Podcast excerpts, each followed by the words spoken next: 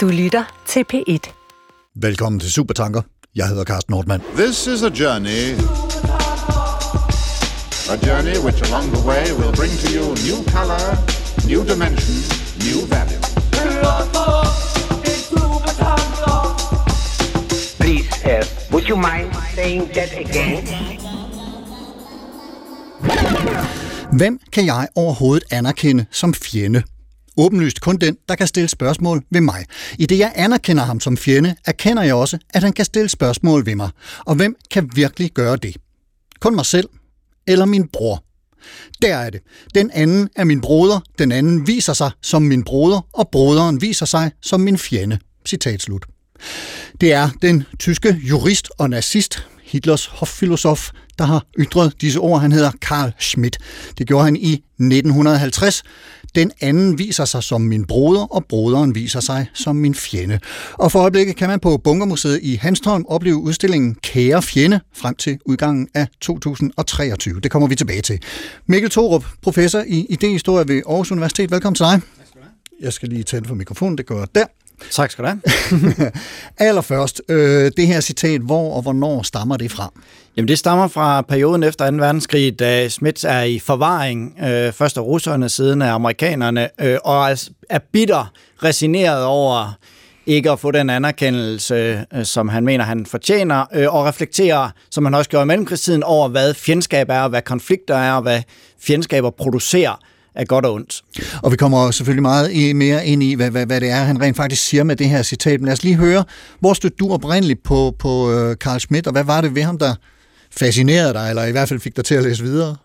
Jamen ligesom to ting. Den ene var, at jeg altid været fascineret af radikalisering af politisk tænkning i mellemkrigstiden, og der er han en af de vigtigste, i hvert fald for den tyske del af, øh, af tænkningen. Og det andet det var, at øh, fra 90'erne frem var der sådan en genopblussen af interesse i Carl Schmidt. Alle mulige fra højre til venstre tog ham op og begyndte at prøve at og ligesom genopdage og genbruge og reformulere øh, projektet særligt omkring fjendskab. Så af de to grunde, sådan en historisk interesse og en mere sådan aktuel interesse, øh, begyndte jeg at dykke ned i forfatterskabet. Mm.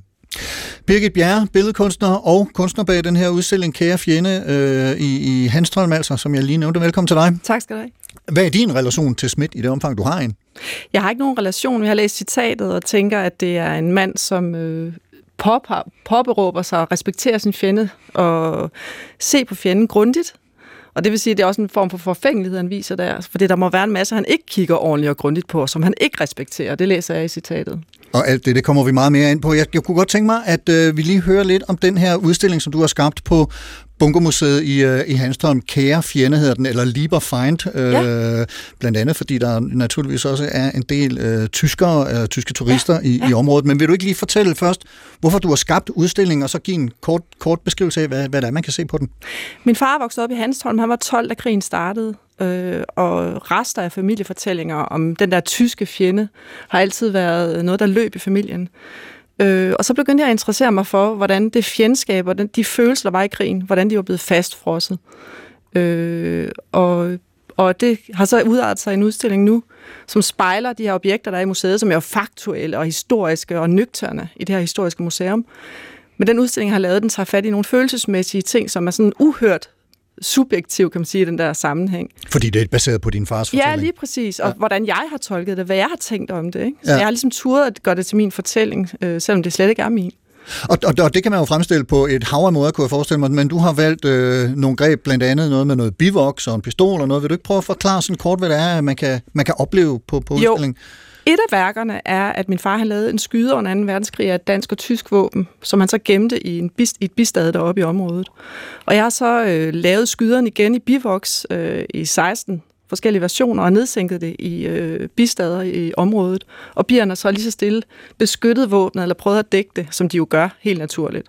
Uden... Hvorfor det? Hvorfor har du lavet det i bivoks og nedsænket det i bistadet? Fordi det var nedsænket dengang, og fordi jeg gerne ville prøve at overlade det til, øh, hvad hedder det, omstændighederne, ligesom han også blev det dengang. Altså den der skrøbelighed, der var i det våben, som egentlig var ubehjælpsomt. Han havde ikke kunne gøre ret meget med det. Det var et enkeltskudsvåben, så man kan egentlig også sige, om det overhovedet var et våben. Mm. Men det var et symbol på hans angst, som han så gemte i det her bistade, og, blev, og det blev så ligesom, altså det, der er en, en skrøbelighed i objektet, når det hænger der og er blevet overladt til omstændighederne ude i naturen, som jeg synes øh, sagde meget om de følelser, som var i klemme og gemt væk fra ham i forbindelse med krigen. Men, men nogle af de følelser, og det kommer vi formentlig også mere ja. ind på øh, hen ad vejen, det er også noget med, at, at nogle af de besættelsessoldater, eller hvad vi nu vælger at kalde dem, der var udstationeret der, det var nogle søleknægte dybest set, og, og der var en, en, en ambivalens i, at de var en fjende, og de var en besættelsesmagt og en overmagt, men at de var også nogle sølestakler, eller hvad? Det var skravlet, der blev sendt til Hanstholm. Det var de øh, gamle plus 40, så dem, der ikke rigtig kunne noget, var meget unge og så videre, fordi det var et, en fæstning, der var stærk. Så dem, der kom til Hanstholm, de var, øh, de var ikke stærke soldater. Og de blev også efterhånden som krigen skred frem yngre og yngre, og var bange og græd og skjulte sig i min bedstefars lade og blev gemt. Så, så hele opfattelsen af fjenden blev øh, på en eller anden måde, det gik i stykker. Og det var faktisk det, der var mest smertefuldt for min familie at opleve, det var, at fjendebegrebet blev forvirrende. Og, og, og din udstilling hedder Kære Fjende. Nu uh, kan ja. vi udsendelsen her Elsk din fjende. Der er måske en, en, en forskel der, men, men det her Kære Fjende, hvad ligger der i det? Jamen, kære siger vi typisk i breve, når vi henvender os til folk og gerne vil vise dem en, øh, en, en gestus. Ja. Og, og min udstilling er en gestus til efterkommere, til folk, der ligesom stadig har øh, ar efter krigen og, og har en kæmpe skyldfølelse. Både danskere og tyskere? Både danskere og tyskere. Ja. Øh, så, så det er en forsonlig øh, henvendelsesform til de mennesker, som stadig føler sig i klemme. Jeg har mødt til, øh, hvad hedder det, tilskuer, eller sige op, publikum, publikum ja. som, øh, som ligesom øh, altså faktisk begynder at græde, når de begynder at tale om det. Når jeg siger titlen Kære fjende til dem på tysk, så bryder de sammen. Altså, det er stadig en stor følelsesmæssig byld, der sidder på første og anden generation efter 2. verdenskrig, og det er ret øh, som tankevækkende. Ja. ja.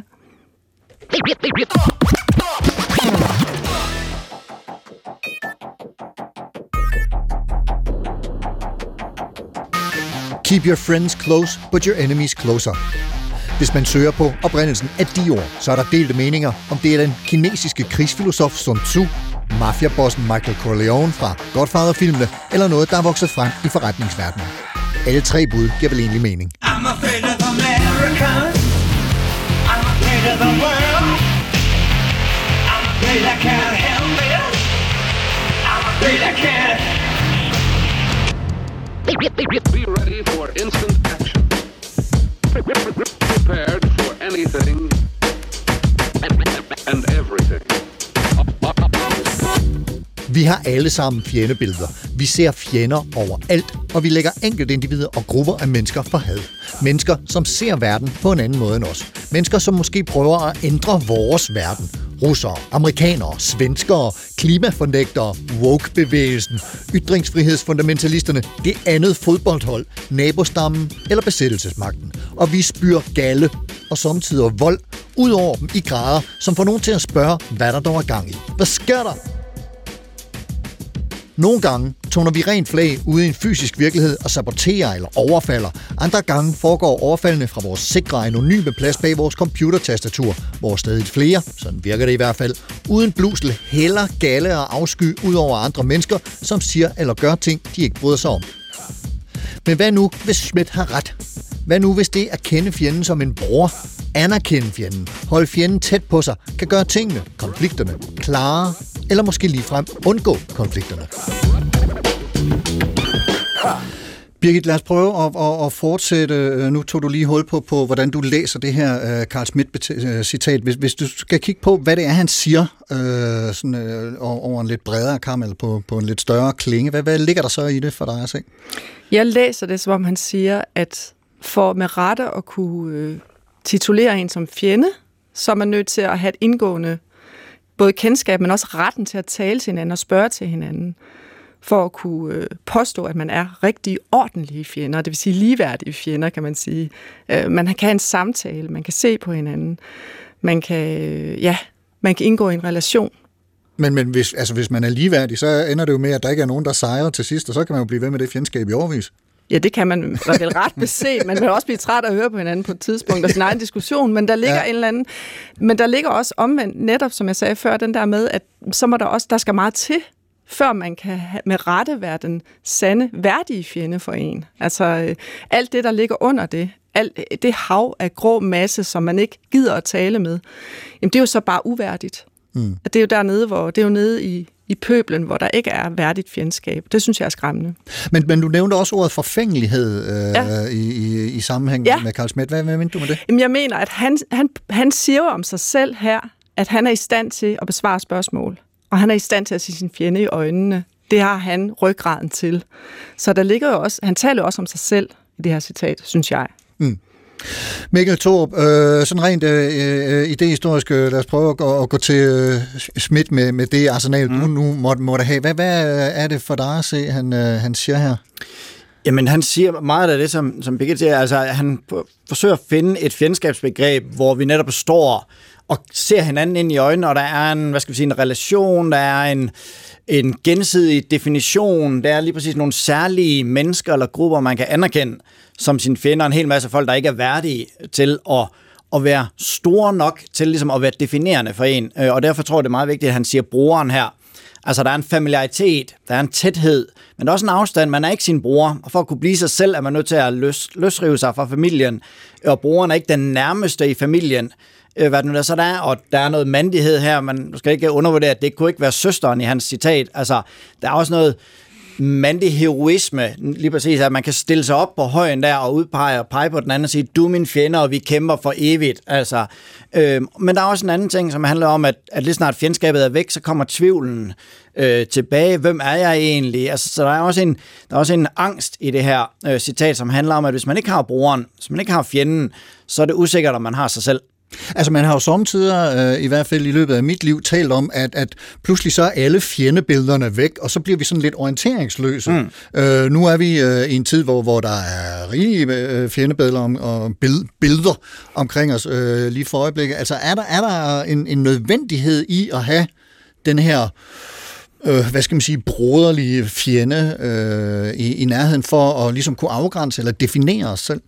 Jeg synes, en af de ting, som, som Schmidt tager fejl af, fordi han er sådan en radikal tænker, det er, at der, vi kan måske have brug for forskel for at kunne definere os selv, men vi har ikke nødvendigvis brug for fjendskab. Øh, vi kan godt se fjendskab mange tider, og det er meget definerende, og det giver handlekraft, og det giver noget at lave, og det giver retning på våben og sådan ting. Altså, men det er nok snarere forskel, som er det definerende. Altså, du og jeg er to forskellige personer, og vi får en vis form for identitet ved at vide og tænke over, hvordan det er, vi er forskellige. Men vi får nok af det, uden at behøve at løfte op på niveauet for fjendskab. Og der er Schmidt nok en tilhører den gruppe af tænkere, for hvem den eneste meningsgivende forskel er fjendskabet. Men vi kender mange andre meningsgivende forskelle, som ligger under niveauet for krig og fjendskab. Mm.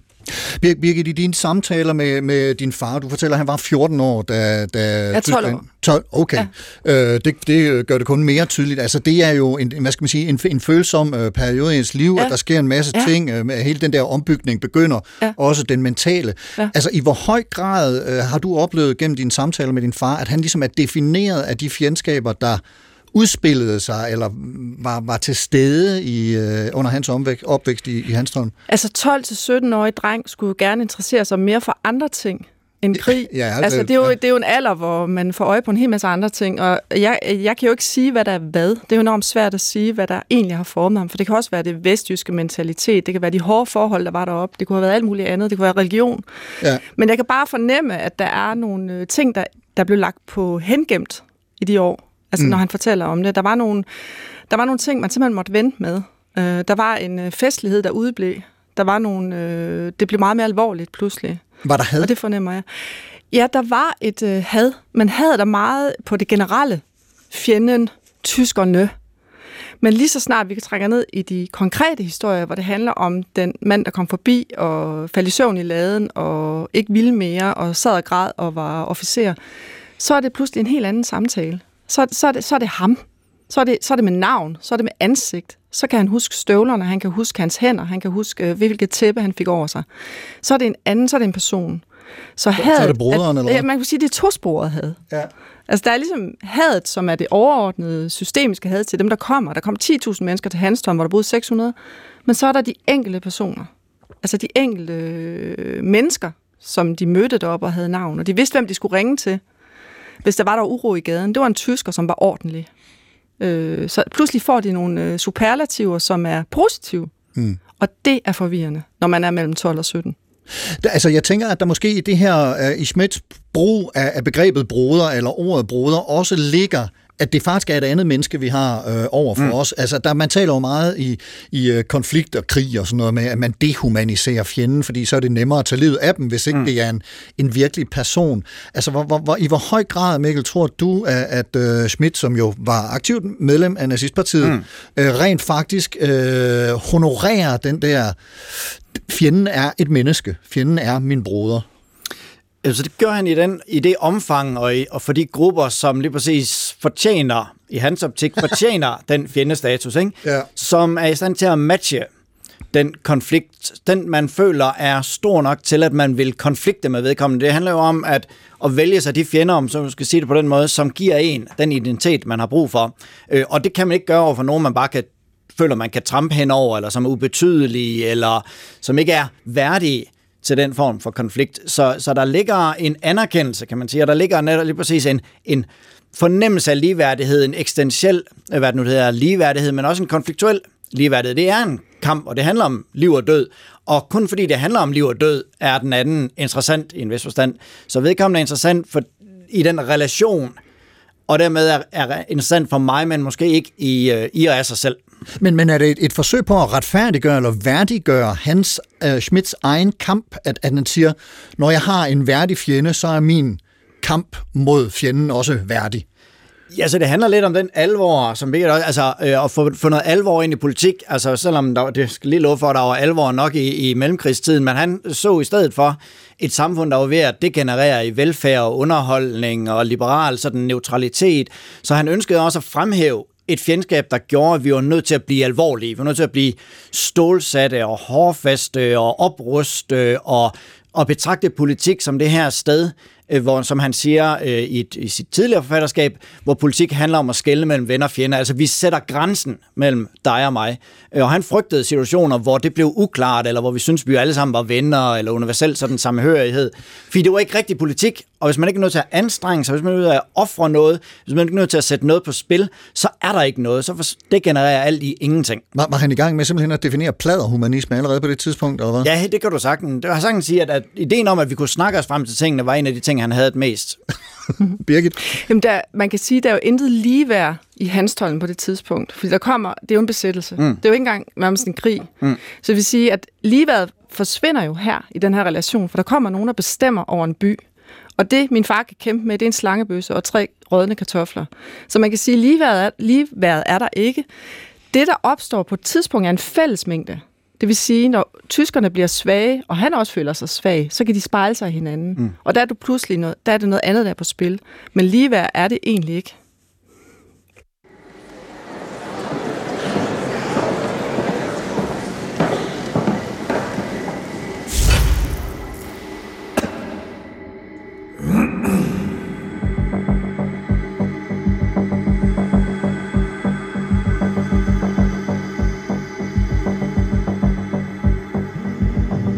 Det kan meget vel være, Carl Schmidt var en nasty kal i manges øjne, men ikke desto mindre er hans tanker blevet læst og refereret af en bred skare af filosofer og andre intellektuelle. Jeg nævner i flæng Giorgio Agamben, Hannah Arendt, Walter Benjamin, Jacques Derrida, Chaim Guzman, Jürgen Habermas, Chantal Mouffe, Antonio Negri, Leo Strauss og Slavoj Žižek, blandt andre.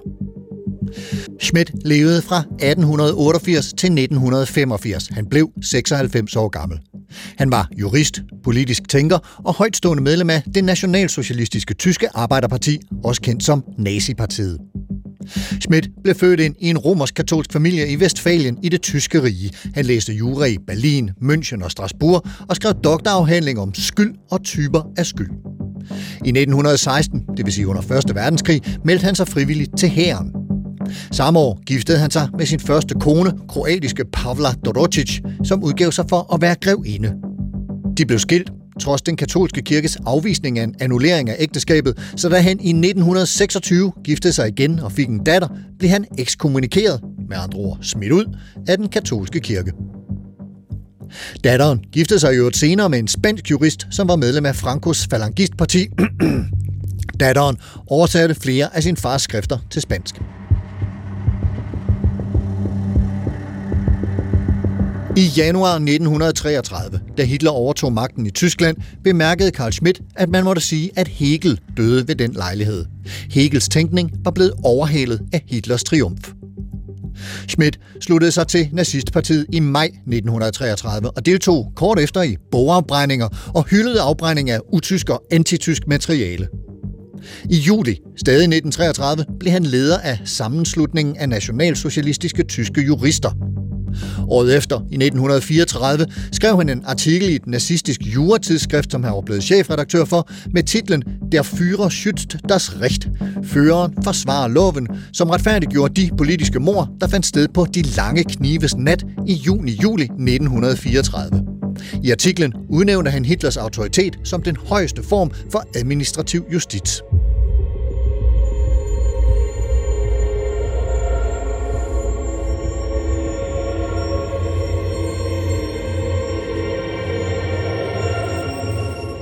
I 1945 blev Schmidt taget til fange af amerikanerne, hvorefter han sad over et år i en fangelejr, før han kunne vende hjem. Han angrede aldrig sin rolle som medskaber af den nazistiske stat og nægtede et hvert forsøg på afnazificering. Af samme grund blev han frataget alle akademiske positioner. Det afholdt ham imidlertid ikke fra at fortsætte sine studier og forskning, især i international ret. Og i 1962 forelæste han i Frankos Spanien og udgav Teori des Partisanen, hvor i han beskrev den spanske borgerkrig som en national frihedskrig imod international kommunisme. Ifølge Schmidt er politik den vigtigste parameter i at skabe identitet. Hvor kirken råder i religion og samfundet råder i økonomi, så råder staten i politik.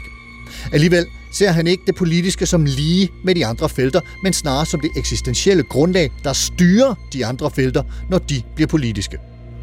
Et af Schmidts mest berømte udsagn er fra 1927 og lyder, citat, den politiske fjende behøver ikke at være moralsk ond eller æstetisk grim, men han er, ikke desto mindre, den anden, den fremmede. Citat slut.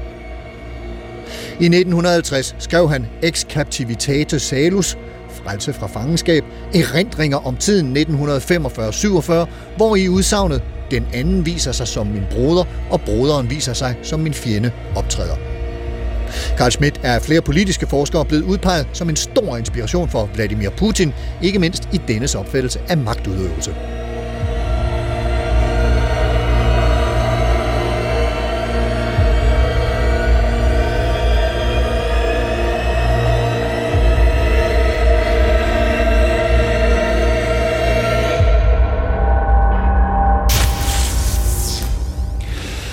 Lad os øh, prøve at tale lidt om, hvor øh, Carl Schmidt får sine øh, øh, idéer fra. Nu fik jeg remset en masse navne op her i begyndelsen af, af, af det her båndede indslag. Jeg fik også øh, nævnt Hegel, sådan lidt en passant, øh, og, og, og selvfølgelig også noget om, hvem der tager hans idéer videre, Mikkel. Altså, hvilke tråde trækker de tanker, som Schmidt giver udtryk for i filosofien eller i idéhistorien?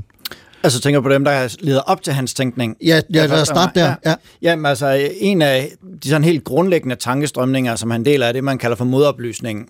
Det vil sige et, et række af tænker og tænkning, som opstod omkring ja, oplysningen og den franske revolution, som betragter øh, moderniseringsprocessen, den individualisering, øh, den almene frigørelse som en forfaldsproces, som der, hvor verdens alvor, verdens sikkerhed, verdens sådan garant, øh, hvad det nu det hedder, begynder at øh, falde fra hinanden, altså at, at det moderne er en form for selvundergravelsesprojekt. Øh, og noget af det, som øh, Schmidt han øh, arbejder med, det er jo lige præcis at få alvoren tilbage, altså få ideen om, at der er faktisk forskelle. Der er oppe og nede, der er, øh, hvad det nu det hedder, øh, Jesus og Judas, øh, hvad det nu der er, Gud og djævlen. Altså han vil gerne have de her konstanter, universelle konstanter, som bare står og som sætter mennesket i en særlig øh, tvingende situation tilbage, øh, hvad det nu er. Øh, så det er, tror jeg, den vigtigste og dybeste sådan øh, tanketradition, han øh, trækker på. Mere specifikt i forhold til det, vi snakker om her, så tror jeg, at en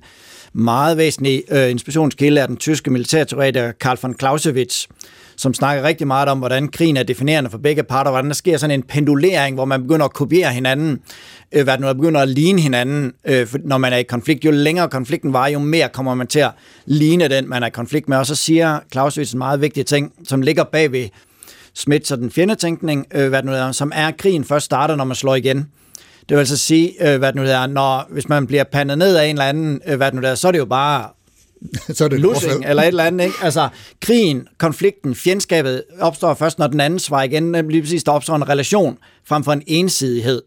Øh, Og det er jo den, hvad skal vi sige, øh, pointe, som Schmidt tager med ind i sin politikforståelse og i sin øh, fjendskabsforståelse, at det er en relation, og det er en relation, hvor begge parter er, hvis den er låst fast i sådan en, nu får nu bruge sådan en lidt øh, øh, dum øh, hegelianisme, sådan en dødelig dialektik, øh, hvad det nu det hedder. Øh, så, så der er nogle, der er nogle Altså meget, meget vigtige- dialektik som i vekselvirkning. Ja, lige øh, præcis. ja, Ja, lige præcis. Øhm, og hvor vi hele tiden reagerer og responderer på den anden, øh, hvad det nu er, fordi vi også accepterer, at den anden er vores definerende modpart.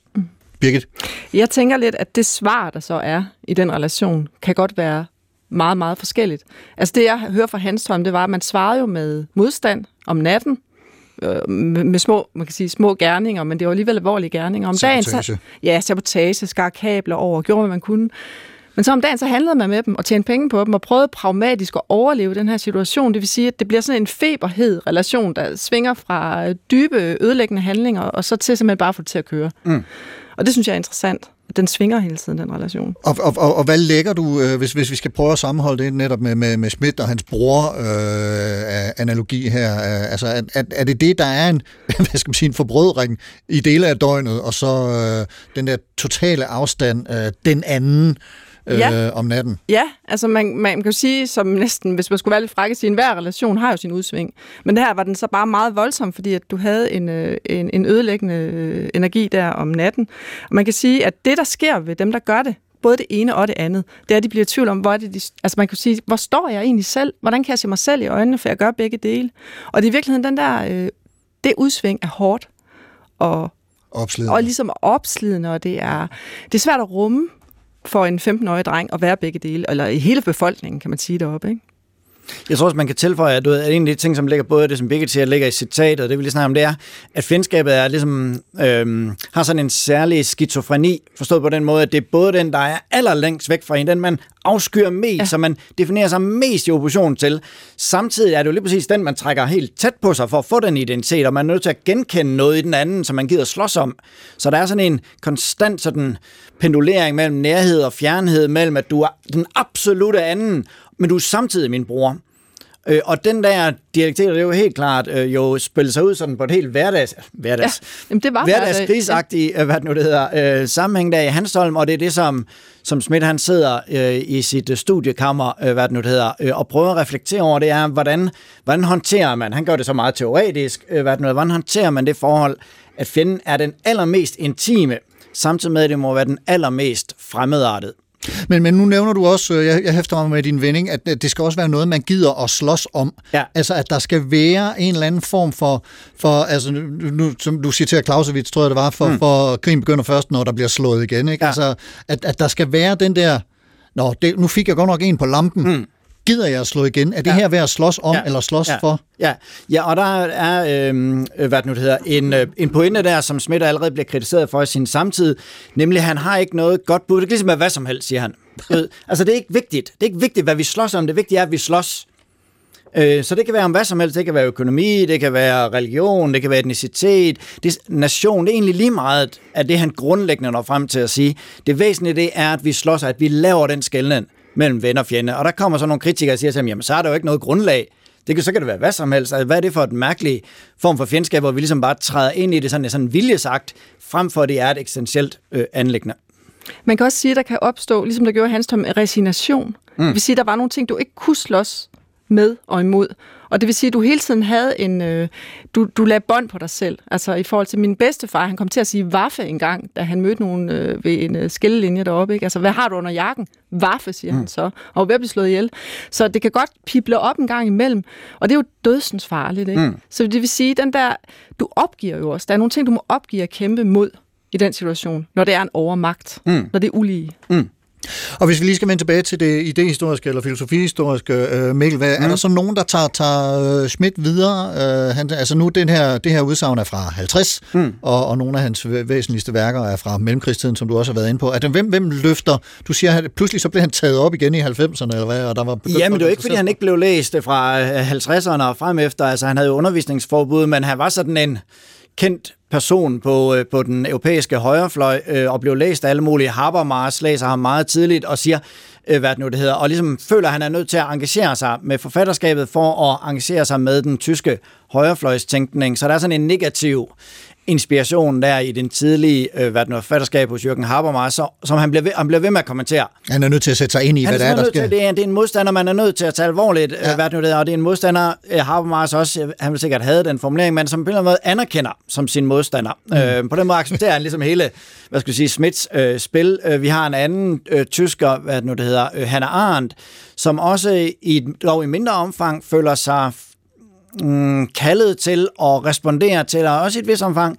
udvikle dele af sin filosofi i opposition til øh, Carl Schmitt. Altså igen anerkender, at der er en tænkning, der er substantiel, øh, og også hvis den er farlig nok til, at man er nødt til at, at udvikle sig i, i modsætning til. Og så, når vi kommer op i efterkrigstiden, eller ikke hvad noget, efter øh, murens fald og den kolde krigs øh, forløb, hvor vi lige som du nævnte tidligere, får situationen, har vi nogle fjender, hvor er de henne, og det hele virker sådan lidt diffust, ikke? Så er der en hel masse, der tager smidt op for at sige, hvor det er, at fjendskabet dukker op igen, og dukker op i det skjulte, måske dukker op i international politik, krigen mod terror, øh, hvad det nu det hedder, liberal imperialisme, som der er nogen, der snakker om. Altså prøver at finde et, et sprog for at forstå, hvor fjendskabet går hen, når den store kolde krigs fjendskab øhm, øh, forvidre. Og så har vi sådan en, øh, som du også nævnte i det båndede indslag, øh, den belgiske filosof Chantal Mouffe, som fra en højre, eller så fra en venstrefløjslæsning, øh, tager smidt op for at insistere på, at alt ikke bare kan snakkes og forhandles om. At politik ikke bare er administration og teknokrati. Det handler også om, at vi vil forskellige ting, og der skal være et rum i politikken, for at de her klare meningsforskelle og identitetsforskelle skal få et demokratisk Så det bliver en værdidiskussion der, så det bliver en værdidiskussion, ja. og vi kan, vi kan få noget identitet ved faktisk at være forskellige, og vi kan finde rum for den, øh, hvad det nu det hedder, øh, så en form for, lad os kalde det dueligt eller demokratisk informeret fjendskab.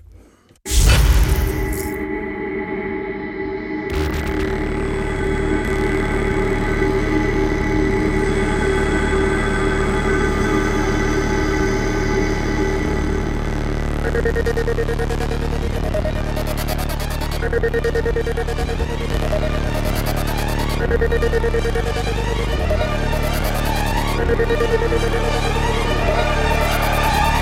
wrote a book called Against Hate that was published uh, in Germany in 2016, um, and that analyzed the mechanisms of hatred. You know, you can call it hatred. You don't have to call it hatred. You can also call it racism, anti-Semitism, hormone transphobia, misogyny. Yes. Det her er journalist, filosof, forfatter og måske aktivist Caroline Emke. My name is Caroline Imke. I'm a German writer, an essayist, uh, yeah, and maybe a human rights activist. Og Emke, som i en årrække arbejdede for blade som Der Spiegel og Die Zeit, skrev altså i 2016 bogen Gegen den Hass mod had, som i sommeren 2022 satte hende i et telt på Heartland Festival, hvor hun diskuterede netop had med forfatteren Siri Hustvedt. Efter samtalen med Hustvedt havde jeg lejlighed til at tale med hende. Um, um, so I looked in the book. I looked at um, always group-based um, Caroline Emke fortæller, hvordan hun i bogen mod had analyserer hadets mekanismer med eksempler på blandt andet had mod immigranter og på voldelig racistisk politimagt, eksemplificeret i drabet på Eric Garner i New York i 2014, The murder of Eric Garner. som på mange måder mindede om mordet på George Floyd i 2020. Blandt andet i, at også Garner på tragisk vis blev berømt for ordene I can't breathe. sadly enough has found a almost reenactment uh, with George Floyd. Eric Garner was the first who was uh, also became sadly famous for uttering I can't breathe. And uh, it looks at different mechanisms of exclusion, of discrimination, and of hatred. Og der har altid været had i verden. Had baseret på racisme, antisemitisme, homo- og transfobi, misogyni eller kvindehad. Det har ikke ændret sig. Det, der har ændret sig i dag, er, hvordan had viser sig. Hvordan folk nærmest er stolte i deres skamløshed og måden, de udviser had. What has changed is there's an exhibitionism of hatred. What has changed is the quality of it. And with quality, I mean the shamelessness um, with which, um, you know, racism or anti Semitism or, or, or homotransphobia are voiced, expressed, uh, used in the public sphere. Um, I can give you an example. I always wrote about um, uh, about skinhead culture. I wrote about uh, neo-Nazi parties and movements throughout my entire life, um, and I would always get. Uh, you know, letters by readers who were, you know, from complaining to threatening. Caroline Emke fortæller, at det, der har ændret sig, er den næsten ekshibitionistiske stolthed eller skamløshed, som folk udviser i deres hadytringer. Og hun fortæller, hvordan hun gennem hele sin karriere har beskrevet skinheader og neonazi-kultur og har modtaget breve med alt fra klager til trusler. Da hun begyndte at beskæftige sig med de emner i 1990'erne, modtog hun typisk breve skrevet med en gammel skrivemaskine på tyndt papir og sendt anonymt, hvorimod hun i dag modtager breve med fuldt navn og adresse på afsenderen. It was someone with an old typewriter. Uh, it was this very thin paper, and they did not have a name. They were anonymous. Uh, nowadays, I get these letters with full name, full address.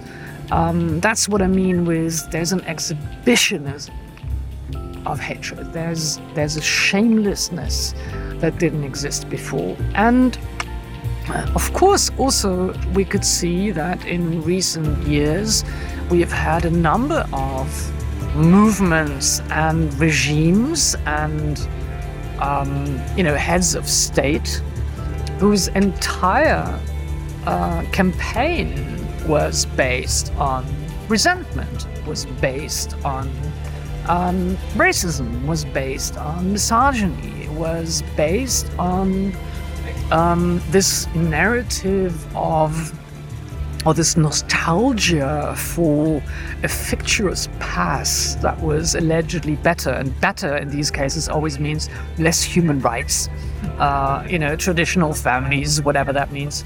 Um, and so I think we have seen in, in recent years, um, you know, authoritarian movements and regimes that have legitimized and normalized hatred in a way. I mean, Donald Tr- take Donald Trump. I mean, that is white supremacy in the government. The stated goal of BLM organization people is to achieve the destruction of the nuclear family, abolish the police, abolish prisons, abolish border security, abolish capitalism, and abolish school choice. That's what their stated goals are. Today's Democrat Party is run by, he doesn't know black Americans like I do. I can tell you. Over the last 50 years, black Americans have mostly voted Democrat, but every day more black Americans are deciding that the old way is not working. Would you mind saying that again? De seneste år er had blevet en del af diverse politiske udsagn og regimer, fortæller Karoline Emke, og det er blandt andet det formentlig, som retfærdiggør nogle af mange menneskers hadfulde ytringer andet sted. Her blev det eksemplificeret i en tale af Donald Trump om Black Lives Matter. Man plejer ellers at sige, at alt er fair i kærlighed og krig. Det er der i hvert fald nogen, der engang har sagt, men det behøver man jo sådan set ikke at være enig i. Men i forlængelse af juristen, nazisten, filosofen Carl Schmidt og hans idé om, hvem fjenden er, så kan man måske tænke over, om krig og fjendskab måske også rummer en snært af noget kærlighed. Mærkeligt pakket ind, naturligvis mærkeligt præsenteret, men altså, at der er en eller anden form for gensidighed i fjendskabet, som kun kan opnås, hvis der er en fli af noget, man håber på at vende. Så hvis vi nu prøver at bevæge os lidt ud i virkeligheden og se på, hvordan den her måde at have fjender på, den her måde at betragte øh, fjender på. Hvad, hvad, hvad er det så, øh, vi ser, Mikkel, hvis du skal kigge rundt i landskabet i dag? Hvordan øh, manifesterer de fjendskaber, som, som Carl Schmidt be, beskriver her med broderen og sådan noget, så så ude i vores, vores dagligdag eller virkelighed i dag? Altså hvis vi holder os i første omgang sådan til vores egen sådan lidt mere rolige øh, ja. vestlige øh, virkelighed, så synes jeg, at en af de ting, man nok kan bemærke, det er, at fjendskabets logik er rykket sig fra sådan et, et mere klassisk ideologisk spørgsmål og mere i retning af et identitetsspørgsmål. Det er identitetsspørgsmål, som vi i højere grad strides om øh, i dag, og som, hvor vi lige præcis får den her fjendskabslogik øh, i den forstand, at begge parter mener, at den anden er modstanderen. Øh, så vi får nogen, der snakker om det kolonialistiske, patriarkalske øh, helvede, vi lever i, øh, over for dem, der snakker om det vogue-tyranniske, totalitære styre, som de mener at leve i, og, og en vis forstand øh, identificerer modparten som den definerende anden. Øh, også den definerende anden i en, i en sådan karakter, at at det bliver et eksistentielt spørgsmål. At hvis de ikke forsvinder, hvis de fortsætter med deres forhævne, så forsvinder enten den traditionelle familie, eller så forsvinder vores mulighed for at leve det liv, som, som vi ønsker at leve. Så der er nogle nye konfliktlinjer og nogle nye, hvad skal vi sige, hader fjendskabs udtryk øh, efter øh, murens fald. Altså det, som Trump øh, jo, jo får sagt her i det her afsluttende citat, det er jo netop, at en, at en bevægelse som Black Lives Matter ønsker at opløse det samfund, som vi kender og elsker, øh, den traditionelle familie, mm. skolesystemer ja. osv. osv. Ja, og mange af de aktivister, som han omtaler, vil betragte Trump som den største ud, øh, trussel imod alt, hvad de øh, betragter som vigtigt her øh, i tilværelsen. Og uafhængig af, hvem der har ret, så kan man i hvert fald se, at begge parter mener at stå i en situation, hvor det vigtigste for dem, det der holder et samfund sammen, det der holder retfærdigheden på plads, er lige ved at forsvinde på grund af ondskabsfulde kræfter. Men, men, men, men hver især, hvis vi tager de her to fløje, men mm. det, bliver desværre sådan lidt polariseret, mm. men, men hver især beskylder de jo hinanden for at være bagstræberiske mm. og, og, og ikke have, have blikket rettet mod en fælles fremtid, hvor vi kan være glade med lige præcis min ideologi. Som, Jamen, altså man kan sige, at de definerer, eller identificerer den modparten som forhindringen ja. for at komme dertil, øh, hvad det nu det hedder. Og det man kan sige, som måske er det tragiske eller nødvendige, eller hvordan man nu vil vælge at kigge på det på, det er jo, at øh, pointen er, at de andre skal flytte sig, eller forsvinde, øh, hvad det nu er, frem for skal du ved, overbevises, eller vi skal finde sammen, eller et eller andet. Altså, der er, en, der er en, klart en del af diskussionen, det er jo vigtigt at sige, kun en del af diskussionen, en forståelse af, at modparten er sådan en monolitisk, fast besluttet vognborgport, øh, ikke? Altså, som man ikke kan flytte, men som man er nødt til at nedbryde, øh, hvad det nu det hedder, for at, kunne, øh, for at kunne sikre sig en eller anden form for fremtid. Og begge parter mener om, som siger, at den anden ikke kan flyttes, øh, hvad det nu er, men tværtimod er i gang med at trumle alt godt her i verden ned. Birgit?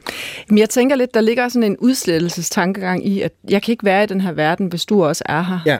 Det vil sige, at man har et ideal verden, hvor alle de mennesker, jeg deler verden med, de har samme opfattelse af den verden, som jeg har. Og det er jo sådan set en meget ulykkelig situation at være i, hvis verden var på den måde. Mm. Og et eller andet sted, så tænker jeg, at man må savne en diskussion, hvor man ved, at i den kommende verden, der vil altid være sammen med nogen, der er uenige med mig. Mm. Øh, og lige præcis den måde at lytte til, at der faktisk er nogle mennesker til stede i verden, som ikke forstår verden, som jeg gør, den mangler man lidt. Den er, mm. den er fraværende. Mm. Fordi det eneste, der sker, det er, at øh, der bliver sådan en, et stakit rundt om ens øh, idealverden, mm. og øh, andre kan ikke rigtig leve op til at være i den. Man kunne sige det også omkring miljøet, at folk, der ikke kan forstå, at vi er truet på vores fremtid miljømæssigt, dem kan jeg ikke leve sammen med, for de ødelægger, de underminerer den verden, jeg er i, så er jeg nødt til at sabotere dem. Altså, det kunne så være den nye, rene tankegang. Vi er nødt til at have en ren verden, hvor alle forstår miljøet. Men skal vi sabotere dem om natten, og så, og så være venner med dem om dagen, øh, eller, eller hvad? Jamen, vi kunne starte med, til jamen, vi kunne starte med at punktere vores egne biler om natten. Ja. Ikke? Altså, det kunne jeg så gå ud og gøre. Ikke? Altså, jeg mener bare, der ligger for meget, det er for mudret for os. Vi ved jo godt, at det er lettere at sige tingene, end at gøre dem. Og måske gør det lige præcis, måske er det lige præcis det, der gør os så aggressive. Det er, at vi faktisk ikke engang selv kan leve op til det ideal, hvis det er i hvert fald meget få af os, der kan. Mm.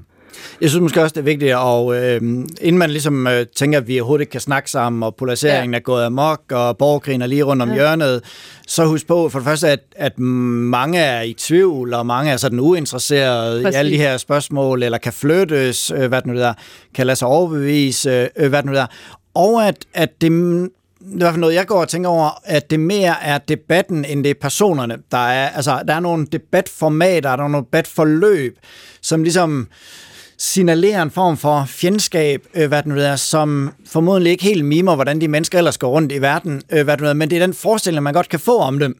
Og begge parter kan få forestillinger om, at den anden er den der absolute 24-7 fjende, øh, hvad det nu der, som hader børn og vil dræbe planeten, og hvad, hvad man nu kunne forestille sig, ikke? Mm. Øhm, og, og det, er den, det er den ophidselse, man når frem til på begge sider af en debat, men det er muligvis ikke den hvad skal vi sige, virkelighed eller den forståelse af verden, man har lige præcis, når man så falder tilbage i sofaen eller går ud på gaden eller sådan noget. Så jeg tror også, vi skal finde en måde ligesom at adskille debatten og personerne på en gang imellem. Det er rigtigt, men Men Mikkel, bliver vi ikke også lidt trætte i ørerne af det? Altså bliver vi trætte af formen, hvor vi hele tiden skal være i en fjendskabskamp øh, Mm. i mediebilledet, både jeg øh, på også, sociale mega medier. Altså Ja. jeg mener bare, at vi vel ikke de eneste her altså, i studiet, som bliver trætte af den form. Altså tror du, den vil ændre sig? Det ved jeg ikke, men vi kan i hvert fald konstatere, at der er mange, der finder en eller anden... Altså, godt være, alle er frustreret over den, men finder glæde i, situ- øh, i formen situation. Ja. Altså, man hopper ind i en diskussion, og man bliver fanget af diskussionen, og den bliver en definerende diskussion for en, og så kan det godt være, at man bagefter tænker, okay, der brugte jeg lige en nat på Facebook med at diskutere med en eller anden tosse, øh, hvad det nu, og det så heller ikke godt ud, hvad jeg fik lavet, og sådan noget. Vi jo begge to er mindre mennesker af det, men jeg blev faktisk fanget. Der er også, jeg tror også, man var nødt til at og øh, øh, kigge lidt på, hvad skal vi sige, fjendskabets fascination eller fjendskabets ja. forførelse.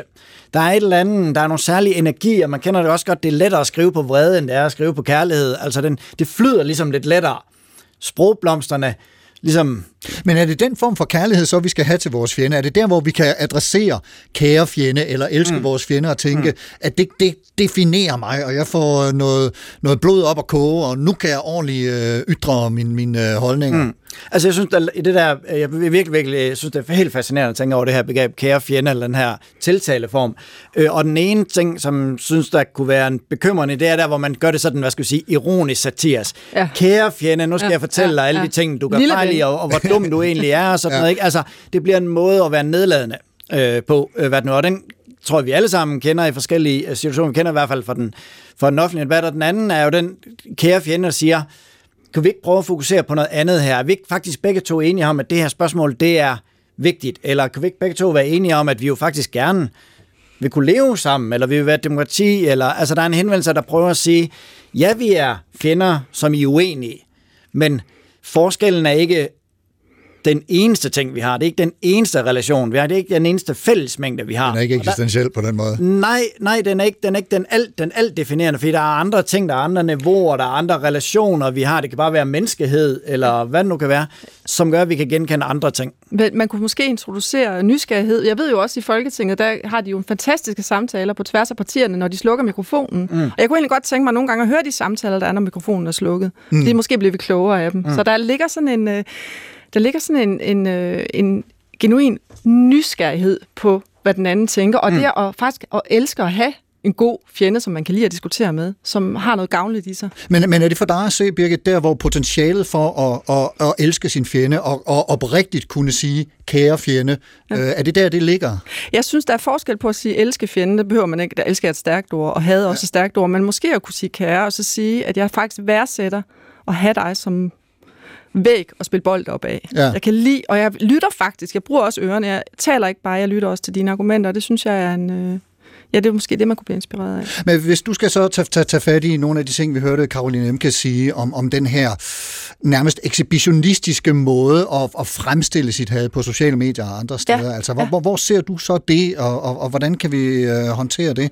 Altså, jeg ser det som en slags, øh, ja, netop eufori over at komme med en holdning, som man stiller op i landskabet. Og vrede er det, der driver det øh, på en eller anden måde. Og, og jeg, jeg stiller egentlig spørgsmålstegn med, at vi overgår at læse hinandens vredes udbrud. Altså, om vi allerede er trætte ved tredje øh, indlæg i en Sådan debat. får jeg det altså lidt nogle gange, må jeg indrømme. Ja, altså ja. Man, man bliver jo allerede træt, og, og, og i virkeligheden så, så bliver det en stor mund og ingen ører.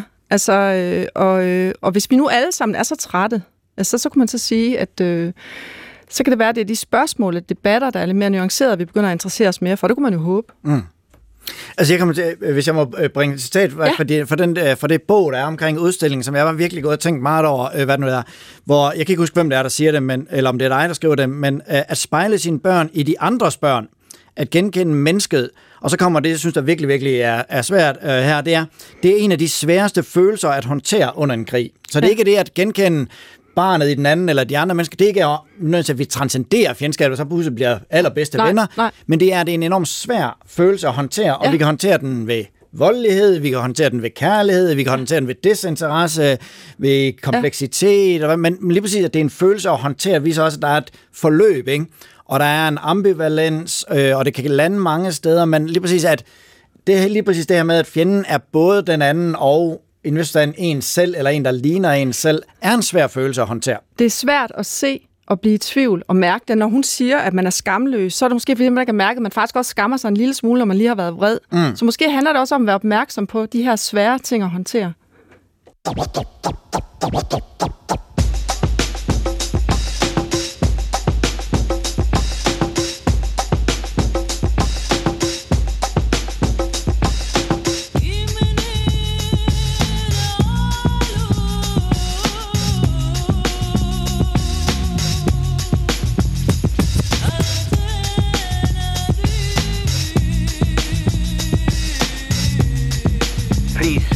Would you mind saying that again?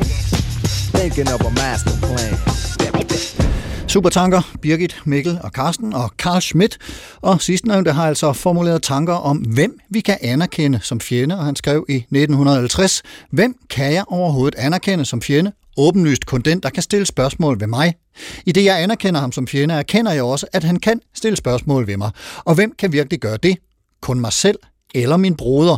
Der er det. Den anden er min broder, den anden viser sig som min broder, og broderen viser sig som min fjende. Og lad os prøve lige øh, sådan afslutningsvis at, at samle op på et par af det, jeg i hvert fald læser som nøgleord i den her sætning, nemlig anerkende, og så det her med at, at, at stille spørgsmål. Hvad, hvad kan vi læse ud af de øh, ordvalg, Mikkel? Jamen, vi kan læse det, at fjenden både er den, der står fuldstændig ekstern fra en, og så er det den, der ligesom nødvendigvis kan snige sig ind på en. Altså alle andre kan ikke stille spørgsmål ved en, for dem kan man bare afvise, de er uværdige, de er ligegyldige. Fjenden er den, der er den virkelig bekymrende, øh, fordi den kan sige, er du faktisk et godt menneske? Kan du faktisk vinde den her konflikt? Er du sådan en, du selv har lyst til at leve med resten af dit liv? Øh, hvad den er? Altså kan stille spørgsmål ikke til sådan nogle ydre gyldige ting, men til de mest afgørende ting, nemlig selvidentifikation eller selvidentitet, det at man overhovedet findes i verden, og den måde, man findes i verden. Så det med, jeg tror, det er vigtigt, at nemlig at stille spørgsmål ved. Det kan gå hele vejen ind, øh, og man kan ikke bare afvise det ved ligesom med sådan et panser at sige, Jeg er ligeglad med mig ikke, eller jeg er ligeglad, eller sådan ja. noget. Fjendens spørgsmål sniger sig faktisk ind, og for er der ligesom to dimensioner. Fjendens spørgsmål sniger sig ind, fordi man bliver i tvivl om, hvorvidt man kan overleve en konflikt. Vil man faktisk vinde, når øh, man mødes på slagmarken? Øh, hvad nu? Så det er den ene ting ved at overleve. Men den anden, det, og måske vigtigere spørgsmål, det er, hvem er jeg overhovedet? Altså, at vi begynder at reflektere over de spørgsmål, der så rent faktisk bliver stillet. Ja, og vi skal lægge mærke til, at han siger, øh, hvad det nu det hedder, øh, og det kan man sige, det er både øh, fordele og ulempe ved at tænke på den måde, altså, at man kan ikke, han kan ikke stille sig selv det spørgsmål. Han kan ikke sidde og tænke, hvem er jeg? Det er der ikke, han kan ikke stille det spørgsmål rigtigt. Han, han åbner, kunne det være mig? Nej, nej, det kan ikke være mig, det må være min bror. Det må være en eller anden, der både er tæt og langt væk fra. Jeg kan ikke selv stille spørgsmål om, hvem jeg er. Jeg kan ikke, jeg kan ikke være hård nok. Jeg kan ikke være gennembrydende og Konfrontatorisk. gennembrydende, konfrontatorisk. Jeg kan ikke være eksistentiel nok over for mig selv. Jeg har brug for, det vi så kan oversætte smidt til en lidt helt anden retning, jeg har brug for en samtale. Øh, hvad det nu er. Sådan en som han har, hun siger, man skal have, kan have samtalen med sig selv, øh, hvad det nu det hedder. Øh, andre vil sige, at jeg har brug for samtalen med andre. Den udveksling, den, det forløb, den dynamik, der ligger i en, i en relation. Men, men pointen er, at der skal en relation til, for at man overhovedet eksisterer. Birgit, øh, hvis- du skal tage de her ord anerkendelse og, og, og stille spørgsmål og prøve at trække dem ind i kontekst af, af din udstilling Kære Fjender, måske nogle af de historier, din, øh, din far har fortalt, øh, er, er, er det muligt? Ja, det er det. Altså min bedstefar, han sagde, hvordan kan jeg have dem, altså tyske drenge? Det kunne have været en af mine drenge. Ja. Og man kan sige, det var en svær en at have med fra den krig, fordi øh, det, at, det at ikke længere have et dovent had, man kunne kalde det et dovent had, bare had. Men det er pludselig at få udfordret den dovenskab, og så begynde at tænke anderledes. Det Og holde der sig var til, hvorfor man hader. Ja, hvorfor man hader, men også at se øh, de andre ting. Det var det vanskelige i det, ikke? Og jeg tænker lidt, at det, det kan vi alle sammen lære noget af. Og, øh, og fordi det kræver et arbejde. Det, du siger der, det kræver et, et, en arbejdsindsats. Mm. Det kræver faktisk, at du går i gang med at arbejde. Ja. Og tager arbejdshandskerne på. Det, er jo, det vil vi jo helst ikke. Så bliver det dovenhadet. Ja, så bliver det dovent, så er det bare øh, baseret på det, vi lige umiddelbart så, eller det, vi lige umiddelbart hørte. Ja. Det er det letteste at gribe til, og det tror jeg alle sammen, vi døjer med. Mm. Og jeg tror, det er også derfor, at det er krig og fjendskab, smitter optaget i, det er, det tillader dig ikke at slappe af, det tillader dig ikke at stoppe, fordi hvis du stopper med at stille spørgsmål, så kommer fjenden og finder en, en, et hul i dit panser, eller, øh, så, så det er også at sætte den der alvor i at stille spørgsmålet til sig selv. Øh. Og fjenden kan jo også være, have pænt tøj på, og være rar, og give dig god mad, og være fantastisk. Altså, Ja, det er jo, det er jo øh, den kan komme i alle afskygninger, ikke? Og det var simpelthen, øh, det blev det sidste ord. Øh, det var den super optankning, øh, vi nåede i dag, og øh, kysten begynder at nærme sig, og vi er på vej mod land.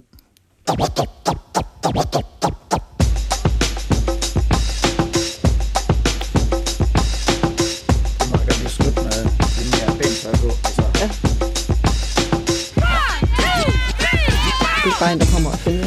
Mikkel Thorup, professor i idéhistorie ved Aarhus Universitet. Tusind tak, fordi du kom og foldede Schmidt og hans tanker om fjendskab ud for os i dag. Altid en fornøjelse. I lige måde.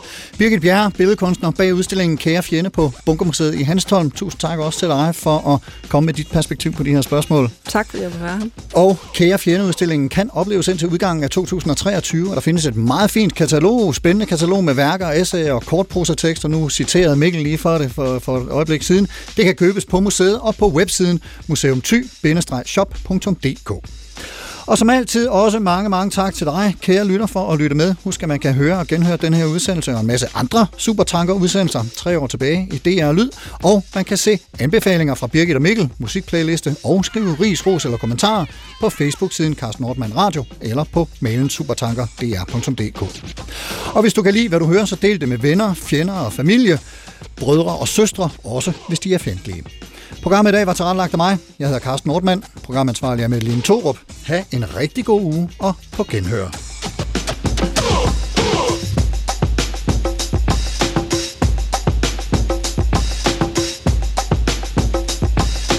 Thinking of a master plan.